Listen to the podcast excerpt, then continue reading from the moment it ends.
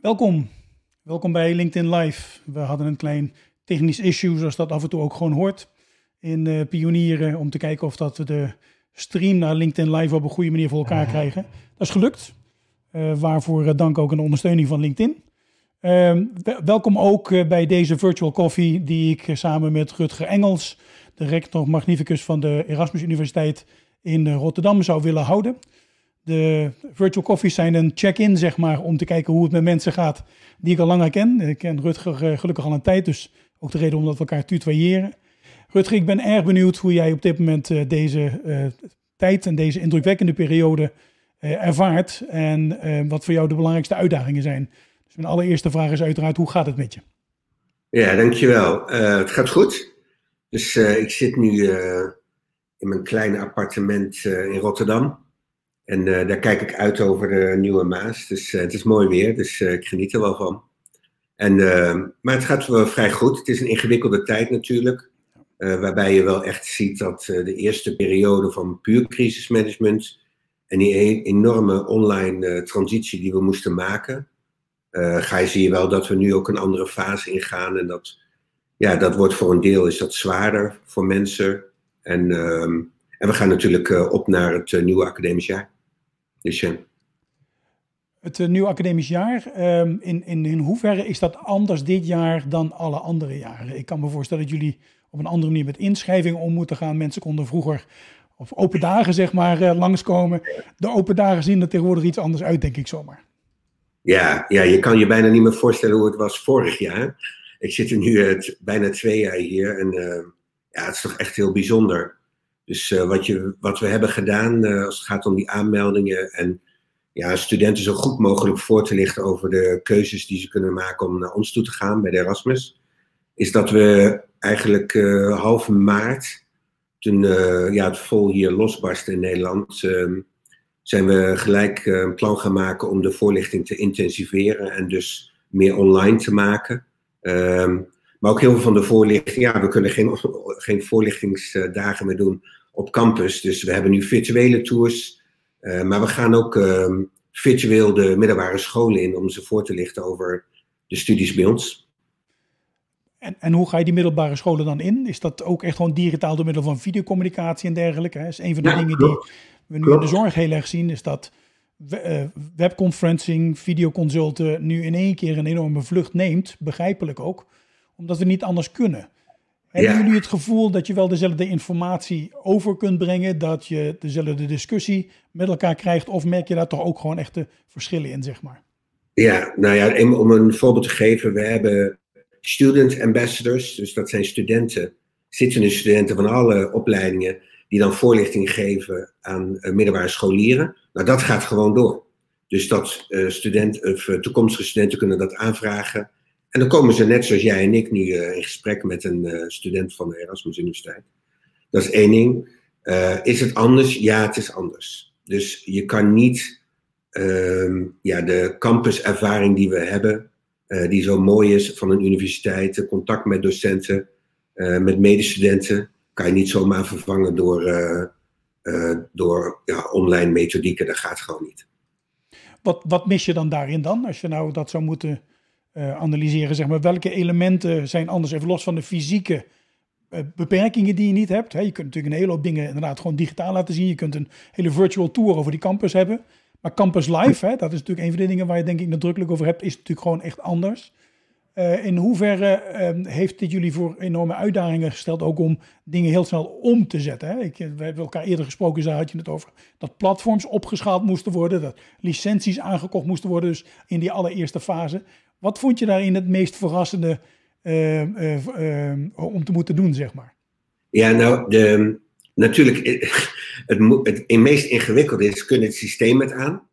Ja. En kunnen de mensen het aan? En een van de dingen die me opviel eigenlijk gelijk in week 1, toen we de omschakeling echt moesten maken, en dat heeft me ook behoorlijk ontroerd, is dat op maandagochtend sprak ik uh, met de mensen van de, onze media services. Uh, en die zeiden dat in het weekend ervoor waren 600 oefensessies gehouden. Dus 600 mensen waren bezig geweest met het oefenen met, uh, met online, uh, online onderwijs. Dus online colleges, werkgroepen. 600, ja, dat vond ik fantastisch. Dus mensen hebben dus toch de veerkracht om dan te denken, ja, dan moet het maar. En ik wil wel er zijn voor die student, voor die klant. En komt dat dan ook vanwege die common goal, zeg maar, hè, die iedereen gewoon voor ogen heeft, dat iedereen gewoon snapt van dit moeten we nu gaan regelen en daar gaan we ook niet allerlei andere ingewikkelde vragen over stellen? Of is het gewoon dat mensen ook uh, boven zichzelf uitstijgen, zeg maar, om het gewoon zelf op te pakken en op die manier eraan mee aan de slag te gaan? Is dat het verhaal? Ik denk dat, ja, ik snap je vraag heel goed. Dus ik denk dat er een, uh, bij wetenschappers en uh, docenten gewoon die intrinsieke verantwoordelijkheid zit. En je laat je studenten gewoon niet zakken. Doe je gewoon niet. Ja. En dan ga je door. En um, ja, ik vond dat. En dan en met horten en stoten, hè, want dingen zijn ook. gaan natuurlijk allerlei dingen mis. En uh, docenten moeten eraan wennen, studenten moeten eraan wennen. Um, maar het is wel knap hoe het nu gaat en dat we toch 90, meer dan 90% van het onderwijs uh, kunnen draaien. Natuurlijk niet met die vergelijkbare uh, om, ja, ervaring die je hebt in het EGIS, maar wel. Het, ja, het, ik ben heel blij mee. Ik heb in een eerder, ik heb in een interview gezegd, of uh, aangegeven, ik heb de indruk dat we jarenlang zwanger zijn geweest van digitale zorg. En dat het dus nu echt gewoon in tijd van een, een, een paar weken met een keizersnede gewoon ter, uh, ter wereld gekomen is. Um, hoe, hoe borgen we dit? Hoe houden we nu de goede dingen die hierin zitten vast? we moeten natuurlijk een aantal vragen opnieuw stellen, want crisissituatie is natuurlijk een andere dan going concern, zeg maar. Maar we hebben toch ook wel met z'n allen gezien dat een aantal dingen best wel kan en toch wel toegevoegde waarde heeft. Hoe ga je daar als college van bestuur mee om dat je een soort van wigje onderlegt? Doe je dat door, door speciale eh, maatregelen te nemen? Ga je hier beleid aanpassen? Ga je op een andere manier hier vragen eh, over stellen? Of neem ons dus mee daarin. Ja, dus we hebben ja, eigenlijk in drie weken gedaan wat we normaal uh, meer dan drie jaar over zouden doen. Um, en ik denk hoe je het kan borgen. Ja, ik denk dat we niet meer terug kunnen. Ik denk dat, een, dat je nu, uh, nu je eenmaal die transitie hebt gemaakt, zowel aan de docentkant als aan de studentkant, dat je niet meer terug kan naar voornamelijk of uh, um, gewoon on-campus uh, onderwijs. Ik denk dat dat niet meer kan, omdat zowel docenten aan de docentenkant als studentenkant er ook de voordelen van zien ja. om online dingen te doen. En um, dat dus het gaat erom hoe vorm je nou zo ideaal mogelijk die leerervaring die blended moet zijn. En um, dat is voor een deel zit dat in platformen. Dus ja, we hebben, wij, gema wij maken gebruik natuurlijk van on onderwijsplatformen. Maar wij moeten daar een enorme slag nog gaan maken. Dat zullen we doen. Daar zijn we nu al mee bezig. Dus we hebben nu al werkgroepen die dat uh, klaar proberen te maken, klaarstomen. Maar je hebt vooral expertise nodig. Ja. Mensen dus die de docenten kunnen trainen, hoogleraren kunnen trainen uh, in workshops om, die, om dat, die online experience, die learning experience, veel rijker te maken dan wat we nu doen. En wat zijn dan sectoren waar jullie naar kijken? Welke zijn er sectoren waarvan je zegt van god, dat hadden we eigenlijk niet eens op de, op de radar, zeg maar, die dit al jarenlang doen, waar jullie van kunnen leren? Zijn zijn het sectoren of bedrijven waar je van leert? Of, of is het gezamenlijk ja, dus, ja, dus die, de, wat je ziet is natuurlijk in een paar andere landen, met name in Amerika en Australië, hebben ze al veel meer ervaring met uh, remote learning. Uh, er zijn daar universiteiten die zijn volledig online. Uh, ja, en daar hebben wij nu, daar hadden we al intensieve gesprekken mee, maar die zijn sterk geïntensiveerd. En kijken of, je dat, of we gebruik kunnen maken van de expertise van platformen um, en ook mogelijk in partnerships. Ja, Deuk is een van de mensen online, Jurien van Rijswijk, uh, die zegt van we moeten van e-learning naar e-doing toe. We hebben nu gewoon gezien dat dingen gewoon kunnen en je op die manier daar gewoon concreet mee aan de slag moet gaan inderdaad. Hey, als ik nou even kijk naar de gezondheidszorg, zit natuurlijk een parallel in. Hè? Uh, er waren op een gegeven moment waren er best wel wat kritische vragen die gesteld werden van een aantal delen van gezondheidszorg zijn uitgesteld. Hè? Omdat het gewoonweg niet kon en niet mocht en noem maar op.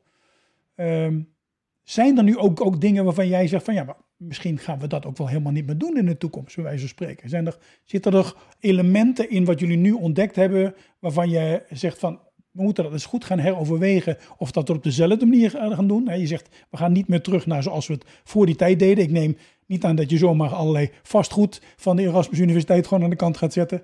Maar wat is nou misschien wel heel klein iets waarvan je zegt, ja, dit gaan we gewoon niet meer doen.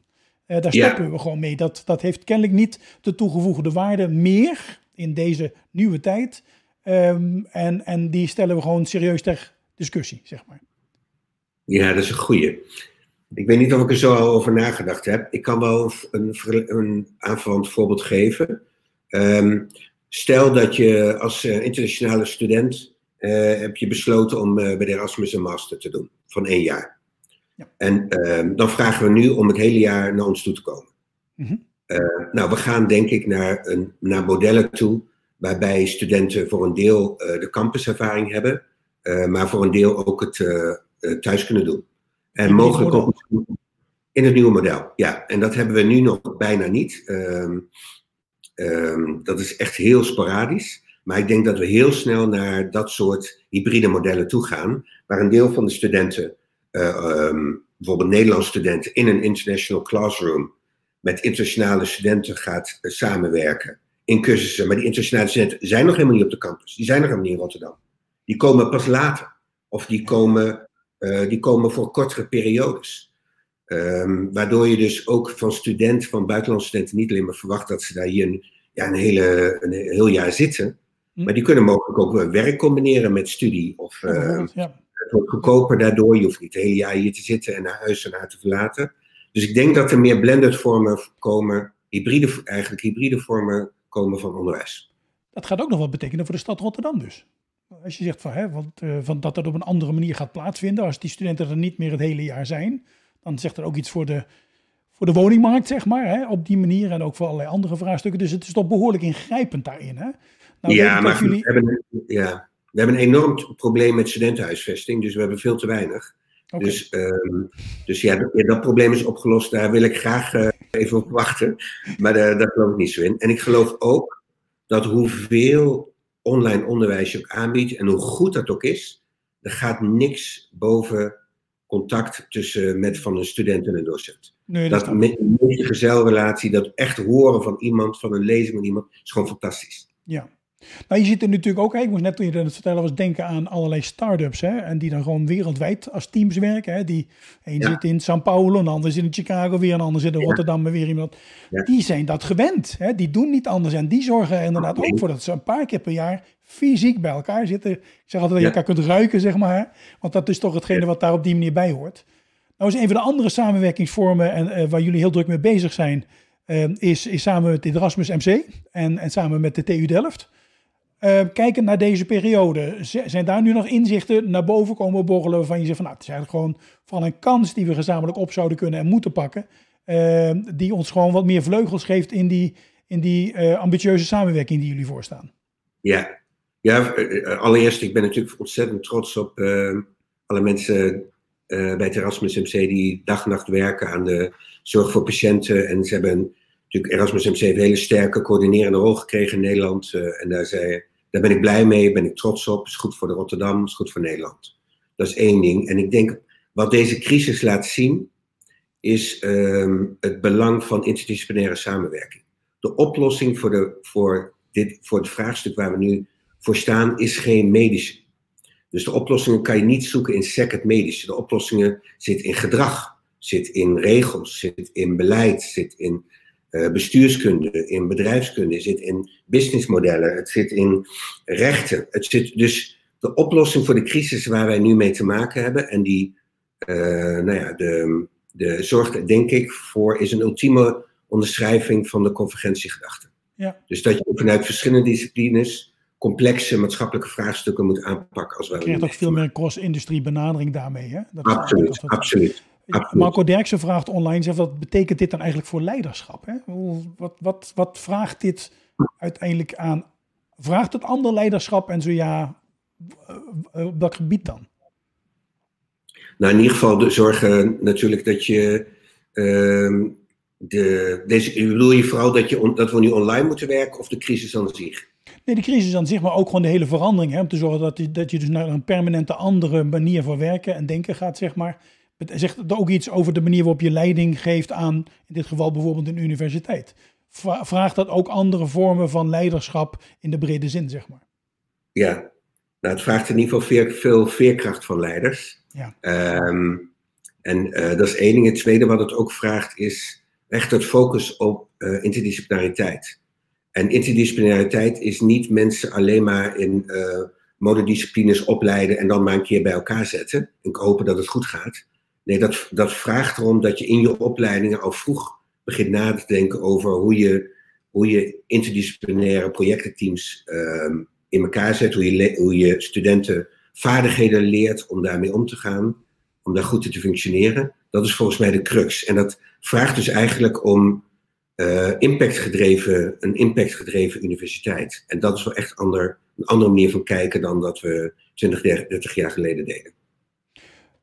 Gaat dat ook betekenen dat je op een andere manier de contentkant gaat, gaat aanbieden? Heb ik het niet even over het model, maar um, ga je, ga, uh, zijn er voorbeelden in vakgebieden waar jullie nu uh, de opleidingen aanbieden van je zegt van dit moeten we echt gaan veranderen met de kennis die we nu hebben opgenomen, opgedaan tijdens deze overigens nog steeds lopende pandemie natuurlijk. Hè? Heb je onderdelen aan de contentkant waar je zegt van hier moeten we echt op inspelen? Dus dan heb ik niet over de vorm, maar dan heb ik het over de inhoud. Um, ja, de vraag is natuurlijk of je dat nu al, terwijl je er nog middenin zit, of je dat... precies. Ik ga het je later nou nog een keer vragen. Meer dan anekdotisch. Um, de, ja, ik denk dat je. Nou, een, een, een voorbeeld is um, bijvoorbeeld hoe je omgaat met data. Mm -hmm. En we hebben natuurlijk uh, AI is, is, is er nu. Um, eigenlijk moeten alle studenten moeten onderwezen worden in AI. Want ook de oplossing van zo'n van de vraagstukken waar ik nu zitten met zeer beperkte data. Uh, die elke week krijgen we meer data en kom, kom je meer te weten over de beloop van zo'n uh, pandemie en ook, uh, dus ook richting oplossingen. Ja, wij moeten studenten gaan trainen van alle disciplines in hoe ze met data om moeten gaan. Um, ja, en dat, dat ja, wij nu nog niet voldoende op orde. Dus daar is wel, dat was. Nou ja, een van de dingen die je bijvoorbeeld ziet in de gezondheidszorg is dat uh, we veronderstellen dat dokters en verpleegkundigen digitale vaardigheden hebben. En de realiteit is dat dat niet zo is. In de, in de ouderenzorg is 1 op de 10 mensen heeft een probleem om op een digitale manier goed mee te kunnen. En in de curatieve zorg 1 op de 20. Dus als je dus een organisatie van 10.000 man hebt, dan heb je het wel ergens over. Er is een mooi programma gestart. Hè. Dat is uiteindelijk dat is opgezet door Cerelo, Suzanne Verheijen. En overgenomen door het ECP, digitalevaardigheden.nl. Uh, daar hebben we ook uit geleerd dat we niet meer over digibeten mogen spreken, maar over digitale starters. En, en, en dat is een van de dingen die nu ook gewoon inge, ingebouwd wordt, zeg maar, in de nieuwe curricula voor dokters en voor verpleegkundigen. Maar laten we ook eerlijk zijn, daar, als je dus nu kunt aanpassen in het curriculum voor geneeskunde, dan heb je over zeven jaar heb je dokters die volgens dat curriculum zijn afgestudeerd. Dus er zit ook wel een lijktijd in. Dus nou zijn jullie ook heel groot als Erasmus in, in juist het traject rondom masterclasses en noem maar op allemaal.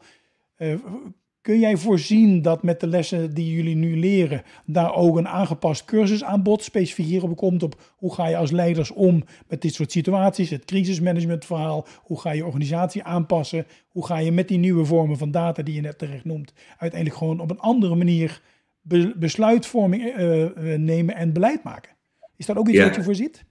Ja, uh, dus de, we hebben natuurlijk een hele sterke business school, RSM. Uh, die doen heel veel aan executive education. Dus opleidingen uh, voor, voor bedrijven. maar je ook als, dat mensen die al wat meer ervaring hebben, die kunnen MBA's gaan volgen. En daar zie, zie je wel, zal je zien dat er meer um, ook modulair onderwijs is. Dus dat je niet alleen maar de vaste patronen hebt van cursussen en opleidingen, maar dat het veel modulairder wordt en dat mensen afhankelijk van hun doelen en hun wensen eigenlijk eigen onderwijspakketten gaan samenstellen. Dat is nu nog wel uh, een beetje vloek in de kerk in geaccrediteerd Nederland. Maar ik denk dat het wel gaat komen en dat gaat dus ook voldoen aan individuele behoeftes die mensen hebben, afhankelijk van hun ervaring en het werkveld waar ze in zitten. Dus ik denk dat dat wel gaat, zeker gaat komen. En daar anticiperen ja. wij. Een tricky vraag. Waarschuw maar even van tevoren. Hoe lang uh, zitten we hier nog in, Rutger? in deze situatie die we nu om ons heen zien. En ik vraag het niet omdat uh, jij ook viroloog zou zijn of omdat je, uh, uh, maar gewoon als mens. Als je nou hardop denkt, dan waar kijk jij tegenaan? Waar bereid jij jezelf op voor, zeg maar? In termen ja, van de, tijd die dit nog nodig heeft. Ja, kijk, ik, ik ben geen, inderdaad ben geen viroloog, dus uh, over het... We hebben er 17 miljoen van nu, dus die hebben er genoeg tegenwoordig, Ja. dus dat is goed. Ja, dus moet je mij er niet bij hebben. Het wat mooie wel is trouwens dat volgens mij deze crisis, deze crisis leidt tot een hernieuwd vertrouwen in instituties en experts. Oh. Dus ik denk dat dat heel goed is. Ehm, Waar, waar merk jij dat wat- aan? Nou ja, dat als je kijkt naar eh, zowel de, de berichtgeving in media, ook internationaal, zie je dat, ehm, ja, dat, dat, dat hele, die hele focus op fake news en het belang van meningen van, van, eh, van leken, om het zo maar te zeggen, dat dat wat minder wordt en dat de experts weer opkomen. Tenminste, dat is wel mijn.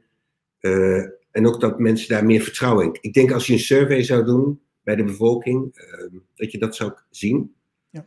Ehm, maar waar ik me vooral zorgen over maak, is, ehm, is de eh, economische recessie die eraan komt. Dus de maatschappelijke gevolgen eh, van, de, van deze crisis. Voor zowel eh, individuen, voor mensen, voor families, maar ook ehm, ja, voor, de, voor de economie en de lange termijn consequenties, zoals bijvoorbeeld toenemen, toename van sociale ongelijkheden, armoede. En ehm, ja, wij leven in een welvarend land, maar ook hier zal dat flinke repercussies hebben. Laat staan in, ehm, in heel veel andere landen in de wereld. Daar maak ik me wel zorgen over. Ja. Dat is ook wel een van de dingen in het gesprek wat ik gisteren had, waar iemand zei van ja, is het wel mooi allemaal dat er nu met digitale tools dingen gaan gebeuren. Maar dat werkt ook weer een nieuwe ongelijkheid in de hand. Hè. Iedereen kan best wel een telefoon hebben, of een smartphone of noem maar op. Maar kun je er op een goede manier mee omgaan? Of creëer je daarmee Ja. nou juist weer een hele andere manier van denken en doen die, die nog een nieuwe sociale ongelijkheid eh, erin brengt? Eh, wat we in de zorg ook altijd proberen is te zeggen, jongens, we moeten niet, het is niet digitaal alleen maar. Maar het heeft ons nu wel geleerd dat we eerst moeten denken in digitaal tenzij, zeg maar. Dat je ook altijd de andere manier ook hebt. En ik hou er dan van te geloven om te zeggen van als je een deel van wat we nu in de zorg doen op een digitale manier doet, heb je meer tijd over voor diegene die meer tijd en aandacht nodig heeft, eh, die je daar ook voor zou kunnen nemen. Dat zou natuurlijk het mooie zijn als we die twee dingen bij elkaar kunnen brengen. Of dat lukt, dat Ja. gaan we zien. Dat, eh, dat Ja. gaan we meemaken. We, we zijn erbij, Rutger. Dank eh, voor, eh, voor deze virtuele eh, bak koffie. Ik zie Graag uit gedaan. naar het moment dat we die weer in real life Ja, nou, kunnen, kunnen gaan nuttigen. Ehm, succes met alles wat jullie doen. En vooral om op een nieuwe manier en op een andere manier weer een ander type universiteit neer te zetten. Nogmaals, dank daarvoor.